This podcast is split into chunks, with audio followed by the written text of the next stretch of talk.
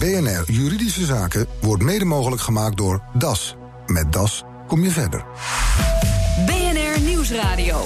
BNR Juridische Zaken.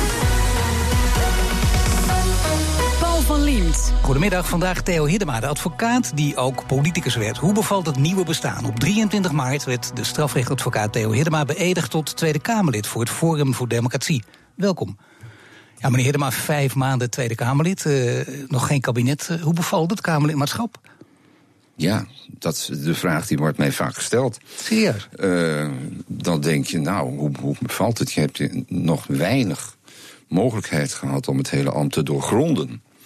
Ja. En alles wat op je af kan komen in een volwaardige betrekking als Kamerlid tot je te nemen en je eigen expertise en talenten daarop los te laten. Want wat, wat er nog, is te weinig krachtvoer wat op je afkomt, want er gebeurt niks. Nee, er gebeurt niks. Nee. Het duurt nee. veel te lang ook. Ja, uh, je zou initiatiefwetsontwerpen kunnen indienen. Daar heb ik de hele dag de tijd voor. Als je een beetje inventief ja. bent en je ziet gade hoe het tot nu toe functioneert. Wat had u graag gedaan dan? Oh, er zijn zoveel. Uh, in... Maar pik er eens uh, vijf uit. Nee, doe er vijf, maar eentje. Maar nee, doe er maar eentje. Nou, uh, jij kunt een heleboel. Uh, je moet Nederland ant niet aantrekkelijker maken dan het toch al is voor asielfraudeurs.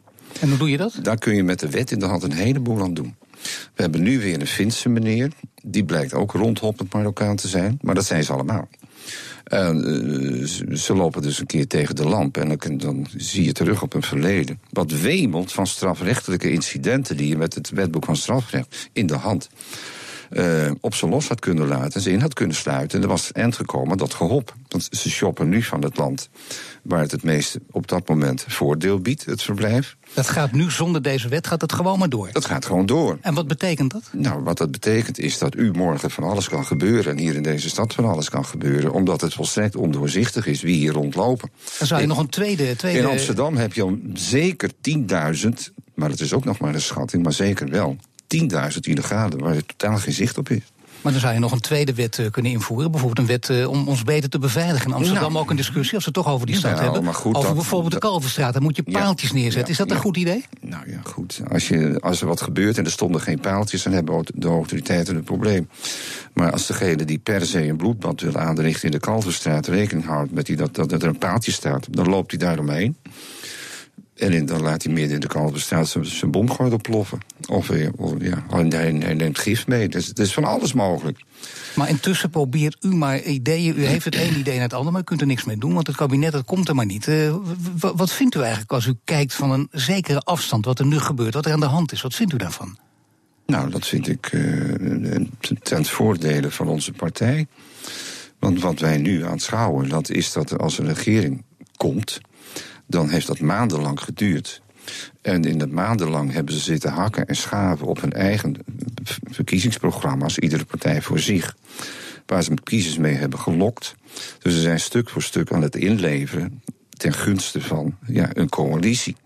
Nou, hoe langer dat duurt, hoe groter het, ja, het het uh, kiezersbedrog. Nee, maar je wordt ook heel ongeduldig van die politiek. Daarom zou ja, ik een van de redenen voor ik, mij om de politiek nou, in te ik, gaan. Ik, maar ik bent word er helemaal niet ongeduldig van. Want ons, onze partij, het Forum, staat dus voor directe democratie, zoals u weet. En de, ja, de, de verkiezingsitems in de volle omvang in de Kamer. Nou, wat je nu gebeurt, dat is dat die items die, die er waren tijdens de verkiezingen... die zijn nu in deze onderhandelingen helemaal ja, uitgeruild of afgezaagd of afgeknepen... omwille van een coalitie. En dan krijg je uiteindelijk dus een programma waar geen kiezer zich meer in herkent.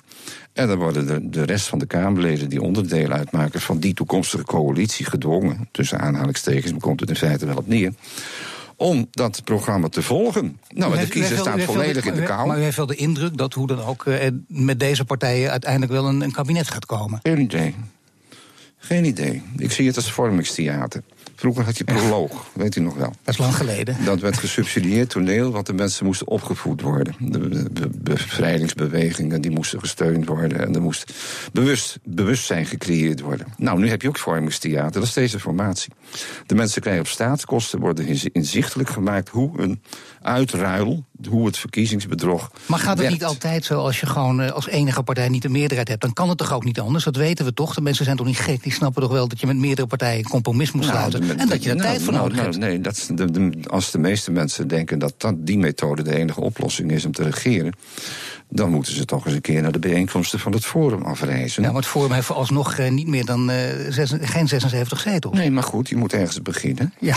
En als je dan er, ergens mee moet beginnen, zou het ja. moeten zijn met een goed programma waar de kiezer zich in herkent en de volkswil ook doorklinkt. En als nu 70% van de stemmen ja, in de richting gaat van een strenger asielbeleid, daar hadden we het niet over. Dan is het dus niet zo moeilijk om langs de weg van een kenniskabinet die dat verkiezingsitem, wat 70% oplevert, in de Kamer te brengen. Krijg je meerderheid en wordt het ten volle uitgevoerd. Eenzelfde punt kan GroenLinks ook winst opleveren. Als er iets is aangaande het milieu waar GroenLinks ja, een Kamermeerderheid voor vindt, dan krijgt hij zijn zin. Zo kreeg, zo kreeg je verdraagzaamheid. Maar wordt gewoon het programma ten, in de volle breedte, hè, wat het voorgestelde maatregel, en ook de verkiezingsbelofte dus, die een meerderheid kan opleveren, in de volle breedte, niet uitgeruild, niet afgehaagd, niet afgeschaft, in de Kamer gebracht. En dan krijgt het een meerderheid. Dat is democratie. Ja, de mensen, de mensen zien het niet, meneer maar, maar u staat en dat levert nog meer energie op. En u heeft zin nou ja. dat blijkt ook gewoon nou ja, alles. Dat blijkt ook Lekker wel. reces ook gehad? Nou ja, wij gaan, nee, wij hebben geen reces. Wij oh. zijn bezig met de partijen uitbouwen. En we gaan zo iedere week wel het land door. En wie zijn met wij? Tours, U Thierry? Ja. Thierry, ik en ook de anderen. Ja. Gaat het nog steeds goed, jullie met z'n tweeën? Ja, dat is geen klacht. Nou, ja, omdat u in interviews wel eens zei uh, wat nare dingen over hem. Hij heeft natuurlijk ook een bepaald Ik? karakter. Nee, hij, u over hem. Dus nou, je, je, dingen? Niet, niet nee hoor, ik, uh, nee, nee, nee. Ik vind het een zeer sprankelende persoonlijkheid. Ik vind uh, aanschouwen met een zekere aandoenlijkheid, moet ik u wel zeggen. Ja, Bewonderend ten zeerste. Maar van waar die aandoenlijkheid? Dat enthousiasme, die bevlogenheid, die, die onweerstaanbare drive, dag in dag uit opnieuw. En dat met een hele vrolijke glimlach. Ja. Nou, dat is in de politiek nog zelden zo vertoond. Dus en eh, dan, als ik naast een stofnest zou zitten. Of dat je kleine irritaties krijgt op de vierkante meter. Want je zit met z'n tweeën dag in dag uit. Er kan van alles opspelen. Ik noem maar slecht adem. Puist in je nek die steeds groter wordt. Je weet het maar nooit. Nee. Toch? Nou, al die kwesties spelen geen enkele rol. Er is Wat vindt u, bij de, van de rest van de Kamer? Want u heeft nu wat meer kennis met ze kunnen maken in de loop der maanden. Wat, wat vindt u van het niveau van de Kamerleden? Dat vraagt men mij ook altijd. En dan bijt ik mijn tong af. Want ik heb geen zin om daar te expliciet Ja, maar u over bent te niet het type dat ze de tong Nee, maar ik, zeker niet in deze omdat omstandigheden. er nog zo weinig momenten zijn geweest... dat ik echt in debat met andere Kamerleden... Hè, op inhoudelijke punten die ertoe doen... eens even de degens kan kruisen. Want dat kan niet, want alles is controversieel verklaard... waar ik me over zou op kunnen winden. Dan vind ik het nu niet eh, het moment om nu al te zeggen... vindt het dat, dat het gebleken niveau in de debatten die ik heb meegemaakt... van die aard is dat ik maar daar in een beetje negatieve zin zou moeten uiten. Dat doe ik nog Maar niet. wat denkt u? Want u praat natuurlijk met Kamerleden, neem ik aan, of niet? Buiten de, wel eens, gewoon Nou, dat valt de wel mee. Eh, Ik praat over koetjes en kalfjes. En, u, moet- niet denken dat er een hoge staatsbelangen in een ontmoeting, met een toevallige ontmoeting met een Kamerlid en mij, dan onmiddellijk de revue passeren. Stel nu dat, eh, dat dit mislukt. Dat kan, hè, met deze partijen die nu proberen... in deze formatie die al behoorlijk lang duurt... om, om eh, ergens toe te komen. Stel dat het mislukt. eh, komt dan uw partij ook in beeld of niet? Ik hoop dat ze nu verkiezingen gaan uitschrijven. Ja. Want wij zijn zo verschrikkelijk van het groeien. Dat moet verzilverd worden. Ja, dat is het moment voor u ook ja, om toe te slaan. Nee, dat is ook het moment dat de kiezers eh, zin zich kunnen uitleven. En wat zou u dan willen? Dat, kijk, want dan, ze dan, willen? krijg je dus, dan krijg je misschien minister Hiddema. Dat is dan de volgende stap. Heel kort Kamerlidmaatschap Ehm, en dan opeens minister van Justitie bijvoorbeeld. Nou ja, moet, moet, moet ik zeggen dat ik zo bescheiden behoor te zijn. Dat ik tot het inzicht ben geraakt dat mijn voorgangers tot nu toe het zoveel beter hebben gedaan dan ik ooit zou kunnen. Het lijkt me niet. U ziet het in uw eigen partijprogramma ook. Hè? Er staat letterlijk in het pro- programma. eh, je hebt een sterke, hele sterke minister op, eh, juist op justitie nou. Dat blijkt ook een hele lastige post te zijn. Zou u het aankunnen? Nou, ik, eh, eens kijken wat ik aantref. Want eh, wat er de laatste jaren onder het regime van de VVD is gebeurd, dat het hele departement is ten val gebracht. Uit, eh, ja, uit, uitgemest wil ik niet zeggen, maar op de vlucht geslagen. Zonder enige verantwoording af te leggen. Maar het is weg. Ja. Nou, dan kom je Moet van natuurlijk... onderaf aan opgebouwd worden? Geen idee. ik weet niet wat ik zou aantreffen. Wat ik nu zichtbaar aantref is dat de, de politie, die verdient een, ja, laat ik zeggen, eh, ja, een parlementaire enquête bijna. Daar is- Waarom? omdat er zoveel mis is in de opsporingspercentages, in de ICT's, bij het, eh, het landenkorps in oprichting. Men procedeert elkaar de tent uit. dat u wel eens even moet inventariseren wat er allemaal mis is gelopen. En in hoeverre de vorige bewindslieden ons voor de gek hebben gehouden met de propagandistische praatjes. Want we zijn met de neus genomen door de heren Opstelt en Co. Ja, Dus maar, ja, maar dat betekent dus, zo klaar is een klomp, maar wel een parlementaire enquêtecommissie die een paar jaar mag duren. Ook eh, flinke inzet, flink wat middelen ook. Ja, om meest- me- ja, precies. Ja, natuurlijk. Onder Ede horen wat, wat er allemaal mis is op de werkvloer. Maar dan wil je dat ook officieel natuurlijk neerleggen. Niet zomaar even als een losse vlot er even een Nee, maar ik kom nu bij, als, op, op deze losse vlot, omdat ik met u hier in deze studio op dit Dus ik item... heb die losse vlotten, die heb ik u Maar ontlokt, ik- anders was u er nooit over ik, kan, ik kan nu niet in dit stadium van de formatie zeggen... hey, denk eens even aan de parlementaire, par- parlementaire enquête. Die Nee, maar dat zou natuurlijk wel een, een volgende en een heel belangrijk punt voor u kunnen zijn. Ja, om maar daar fors op in te Ja, gaan zetten. Nou, precies. Nee, maar u ging ervan uit dat ik als minister van Justitie... Hè, dan kan ik heel goed begrijpen dat die gedachte bij u opkomt... eh, voor concreet beleid al zou voorstaan. Nou ja, dan ben ik benieuwd of u dat ook- het zou dan, moet, zijn dat dan moet je eerst inventariseren. En het zou kunnen zijn dat de puinhoop die je dan aantreft... en dan moet je wat doorvragen, doorboren... en mensen van de werkvloer tot je laten komen. Zeker. En niet alleen hoge ambtelijke piefjes die hun eigen belangen hebben. En als dat zo onrustbarend is... Nou, dan zou ik als minister dan ook alle details en alle, ja, alle lijken in de kast wel naar buiten willen brengen. Ja. En dan zou het kunnen zijn dat er een parlementaire enquête nodig is. We hebben vaker parlementaire enquêtes, maar dat is als alles al misgelopen is. En nu zitten we, hebben een traject in werking gezet waardoor het nog misser kan lopen dan het nu al loopt. Maar dan gaan dus we doe het nu maar. We gaan er wel vanuit dat u dan minister bent. Dan denk ik ook, kunt u dat dan combineren? Bijvoorbeeld met, eh, want u denkt toch al iets vooruit, ook door dit gesprek natuurlijk. En zou u dat kunnen combineren met uw eh, functie als advocaat? Nee, dan niet meer, want dat, Dat is, geen, niet. dat is natuurlijk geen Maar dat vindt u het allerleukste, blijft u maar roepen. Dat Ja, is dat gewoon is heerlijk zo. voor je ego ook Ja, goed, maar ik, ik, wil u, want u, u, u, u begint helemaal te glimmen bij de gedachte dat ik in de positie van, van minister van Justitie Nee, ik zou altijd, geraken. Nee, ik dus ik denk, ik praat met meneer van Lient mee. Eh, nou, als u dat nou maar- de hele uitzending blijft doen, dan, dan, Ja, dan ga ik nou- nog meer glimmen, denk ik. Ja, ik, nou, kan, kan zijn. Maar nee, dat is eh het volstragen tot mislukken gedoemde combinatie. Maar het kan wel, Kamerlidmaatschap en strafrechtadvocaat, heeft u nu gemerkt, kan wel samengaan. Het kan, maar je moet oppassen wat voor zaak je doet.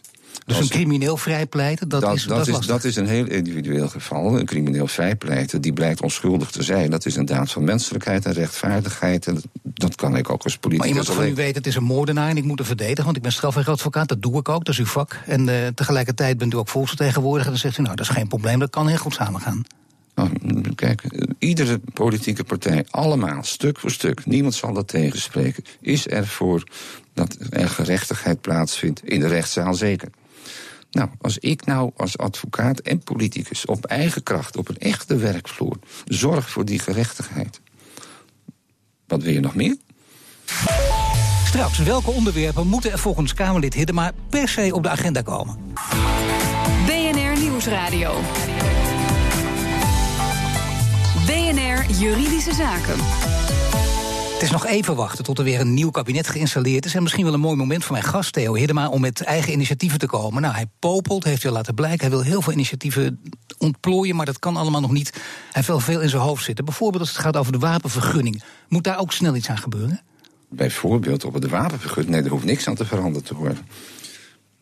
Dat je iets makkelijk aan een wapen kan komen, bijvoorbeeld? Nee, dat moet niet makkelijker kunnen. Je Nee? moet, nou, dat, dat, dat is prima geregeld. Je kan nu een wapenvergunning krijgen. Je, eh, laat je psychologisch testen, dat moet. En medisch eh, word je onder de loep genomen. Je strafverleden wordt nagekeken. En dat dat allemaal eh, op orde is. Dan moet je lid worden van een schietvereniging. En dan moet je een anderhalf jaar lang zoiets. En dan word ik Om twee, vervolgens- drie weken trainen. Ja. Nou, wat moet je nog meer? Nou, wat je meer zou willen is dan, dan heb ik zo'n wapen en heb ik een vergunning. Mhm. En dan word ik eh, overvallen door een inbreker en gewelddadig, hè, op een gewelddadige manier. Ja. Dan zou ik me dus willen kunnen verdedigen. En wat gebeurt er dan vervolgens als ik een, als ik een advocaat inhuur? Nou, als u eh, wordt overvallen door iemand met een schroevendraaier, ik noem maar wat. Ja. En eh, u gaat onmiddellijk met een Kalashnikov, waar u een vergunning voor heeft, tekeer.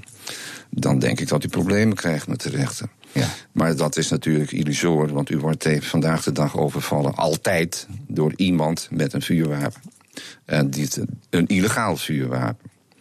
En dan is het prettig als je onder die omstandigheden, degene die je te lijf wil gaan met dat wapen, voor kunt zijn, doeltreffend.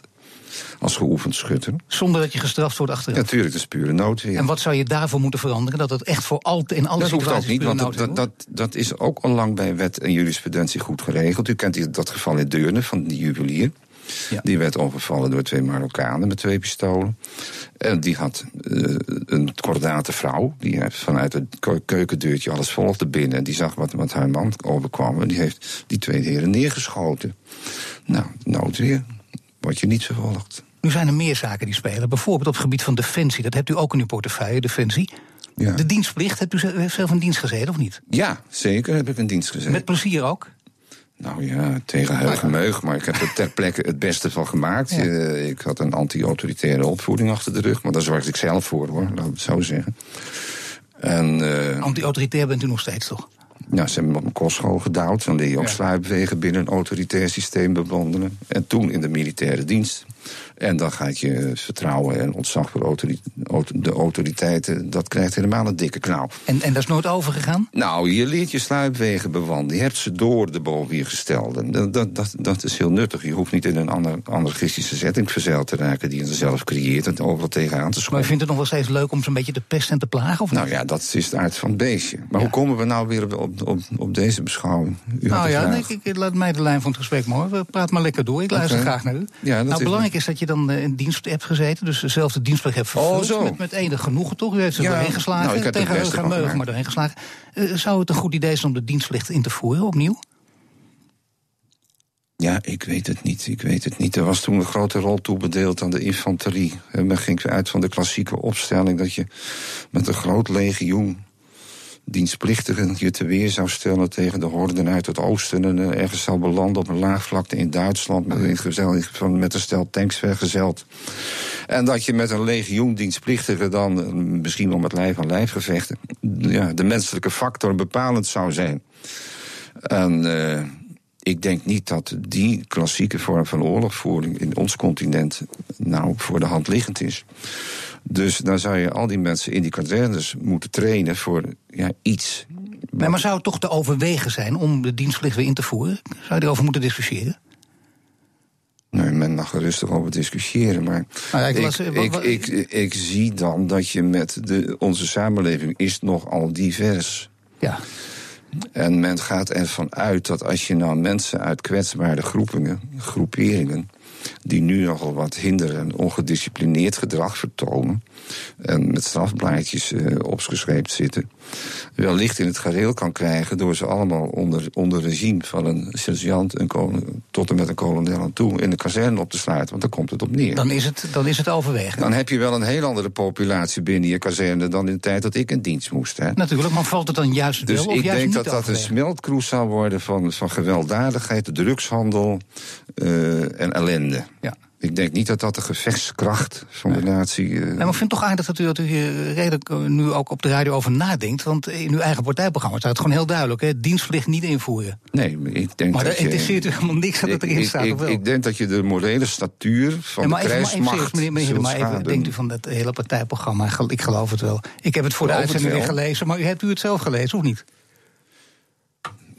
Eh, het is wel prettig dat als je de, de- hè, het boegbeeld bent van de partij in de buitendienst. en je moet stad en land afreizen. en je zit in allemaal volle zaaltjes. en je wordt Mhm. over- overladen met vragen vanuit de zaal. dat je dan iets kunt zeggen in de trant van. eh, ik ben ook bekend met mijn eigen verkiezingsprogramma. Maar dat toch lijkt me wel vrij- handig. u bent een vrije geest, u houdt niet van die fractiediscipline. Heeft u al een paar keer ook gezegd. Dus dan zou ik denken, ja, kom op, Hiddema is toch boven de partij verheven, of niet?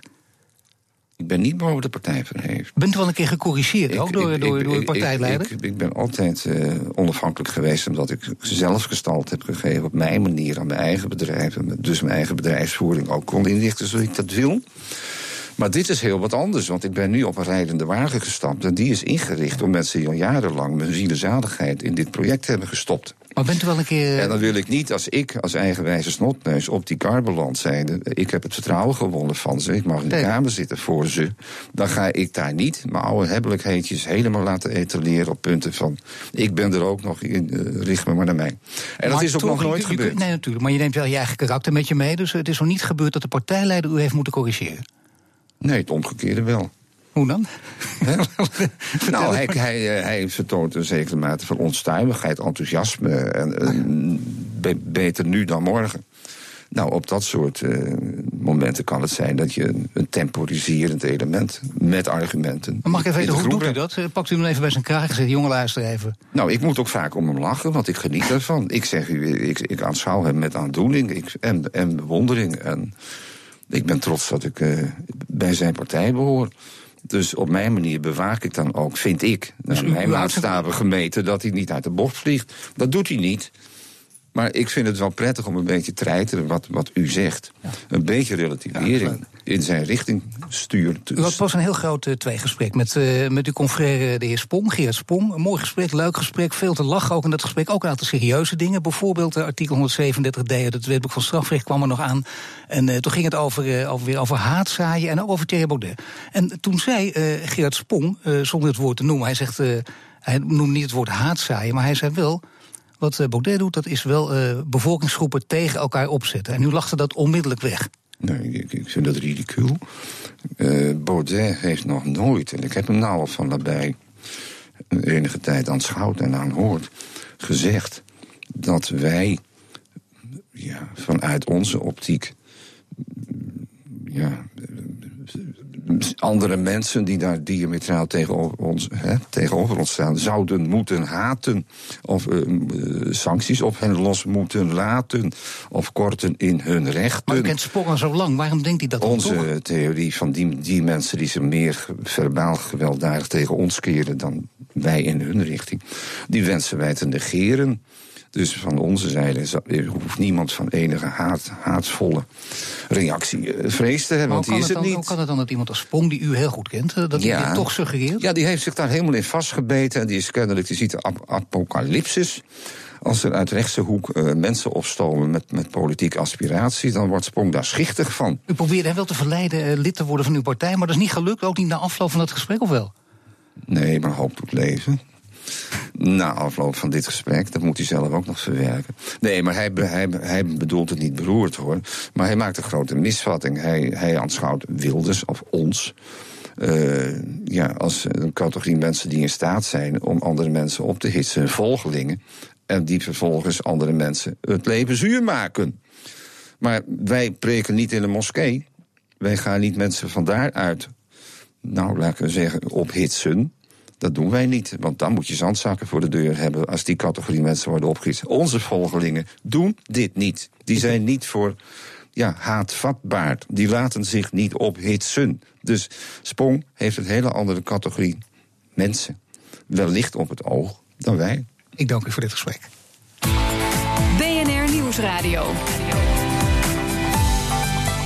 BNR Juridische Zaken. Vooraf klonk de slotenmaker als een prettige partij om mee samen te werken, maar dat viel behoorlijk tegen. Een verslag van Nelke van der Heijden. Mirjam, je was laatst bij je moeder en daar bleek een draaislotje op de achterdeur kapot te zijn. En toen ben jij aan de slag gegaan om haar daarbij te helpen? Ja, dat klopt. Ik kon het zelf niet oplossen, dus ik ben een aantal slotenmakers gaan bellen. En heb uiteindelijk iemand gevonden die wel zonder voorrijkosten even langs wilde komen om een prijsopgave te doen. Dat klinkt aantrekkelijk. Is dat ook gebeurd? Ja en nee, er is inderdaad iemand gekomen, uh, maar die heeft geen prijsopgave gedaan. Die is gewoon meteen aan de slag gegaan. En overigens stonden die voorrijkosten later wel op de rekening. En dat was een forse rekening? Dat was een hele forse rekening. Dat was namelijk 337 euro en nog wat. Terwijl uh, volgens een onderzoekje wat ik later gedaan heb... dat ongeveer 85 euro had mogen kosten. En hij zou alleen een prijsopgave komen maken? Ja, dat klopt. Dat heeft hij niet gedaan. Hij is meteen aan de slag gegaan. Hij heeft het slot uitgeboord, wat achteraf gezien kennelijk helemaal niet nodig was. Heeft een hoop rommel achtergelaten en heeft geen nieuw slot geïnstalleerd. En voor die 20 minuten die hij daarmee bezig is geweest... heeft hij dus ruim 337 euro gerekend. Heeft je moeder dan niet iets gezegd van... ho, ho, dit is niet de bedoeling? Nee, mijn moeder is een, uh, een klein fragiel wijfje van bijna 89. Die voelde zich geïntimideerd door die potige kerel die in één keer in haar huis stond en aan de slag ging. En die durfde eigenlijk niks te zeggen. Ze heeft wel toen die rekening kwam een paar keer gezegd, nou dat vind ik wel heel erg veel. Maar de pinautomaat werd onder de neus geduwd en uh, ze moest betalen. Dus ze heeft ook al betaald? Ja. Dus dan is het lastig om dat geld nog terug te krijgen? Ja, want het bedrijf geeft geen gehoor meer. Die reageren nergens meer op. Nee, dus wat nu? Toch maar erbij neerleggen? Nou, liever niet. Dus mijn vraag, wat kunnen we hier nog mee? Hoe kunnen we deze slotenmaker aanpakken? En hoe kunnen we voorkomen dat dat in de toekomst, dat deze praktijken doorgang kunnen blijven vinden? Marnix van den Berg van Hukker Advocaten. Kan Mirjam nou nog wat tegen deze slotenmaker beginnen nu haar moeder al betaald heeft? Het feit dat ze betaald heeft is uh, niet handig. Want normaal gesproken is het moment dat je besluit om te betalen ook het moment dat je zegt: ik ben hier tevreden mee. Dus door te betalen ga je eigenlijk akkoord met iets waar je helemaal niet akkoord mee bent? Nee, daar lijkt het in dit geval wel een beetje op. Maar ik hoor ook dat er sprake is geweest van eh, bedreiging, dat deze dame zich heel angstig eh, heeft gevoeld. Nou, allereerst zou je natuurlijk aangifte kunnen doen daarvan. Als het echt heel ernstig was, dan eh, is dat echt een zaak voor de politie, zou ik zeggen. Ten tweede, je kunt hier ook nog wel iets mee om het contract onderuit te halen. Of de afspraak die gemaakt is. Want afspraken die onder bedreiging tot stand komen, die kun je later vernietigen. En in dit geval leidt dat ertoe dat het geld dat betaald is terug moet worden betaald. Want de afspraak is er dan eigenlijk onderuit komen vallen. Nou is het ook nog zo dat het bedrag behoorlijk hoog is. Eigenlijk buitenproportioneel had die moeder zelf al uh, toch twee keer aangegeven. Kan ze daar wat mee? Nou, als je geen prijs afspreekt voor een bepaalde opdracht, dan staat er in de wet dat er een gebruikelijk loon verschuldigd is. En daarbij moet gekeken worden naar wat er in de branche normaal is om voor dit soort diensten in rekening te brengen. Ik moet eerlijk zeggen dat ik dit bedrag van boven de 300 euro voor 20 minuten werk... zelfs als advocaat wel een beetje buitenproportioneel vind. Dus uh, je zou kunnen zeggen dat het uh, 50 euro of 80 euro waard is geweest. En alles wat ik daarboven heb betaald, dat wil ik terug, want dat was te veel. Die man heeft ook nog een zooitje van gemaakt. Heeft het slot gesloopt wat waarschijnlijk niet nodig was. Heeft rommel achtergelaten en geen nieuw slot geplaatst. Kan ze daar iets mee? Nou, als hij de zaak eigenlijk alleen maar slechter heeft gemaakt en het probleem ook niet echt opgelost heeft, dan zou je kunnen zeggen dat er sprake is van wanprestatie. Dan kun je zeggen: ik ga hier niet voor betalen. En als ik er al wel voor betaald heb, dan uh, wil ik hier vanaf en wil ik mijn geld terug. Zegt advocaat Marnix van den Berg. Hij vreest overigens wel dat het lastig wordt om het geld terug te claimen. Als het voor de rechter moet komen, kost het waarschijnlijk meer dan het oplevert. Het verslag was van Nelke van der Heijden. Heeft u ook een juridische vraag? Mail hem naar juridischezaken.bnr.nl. En dit was de uitzending voor vandaag. U kunt de show terugluisteren via bnr.nl slash juridische zaken. Mijn naam is Paul van Diemt. Tot de volgende zitting. BNR Juridische Zaken wordt mede mogelijk gemaakt door DAS. Met DAS kom je verder.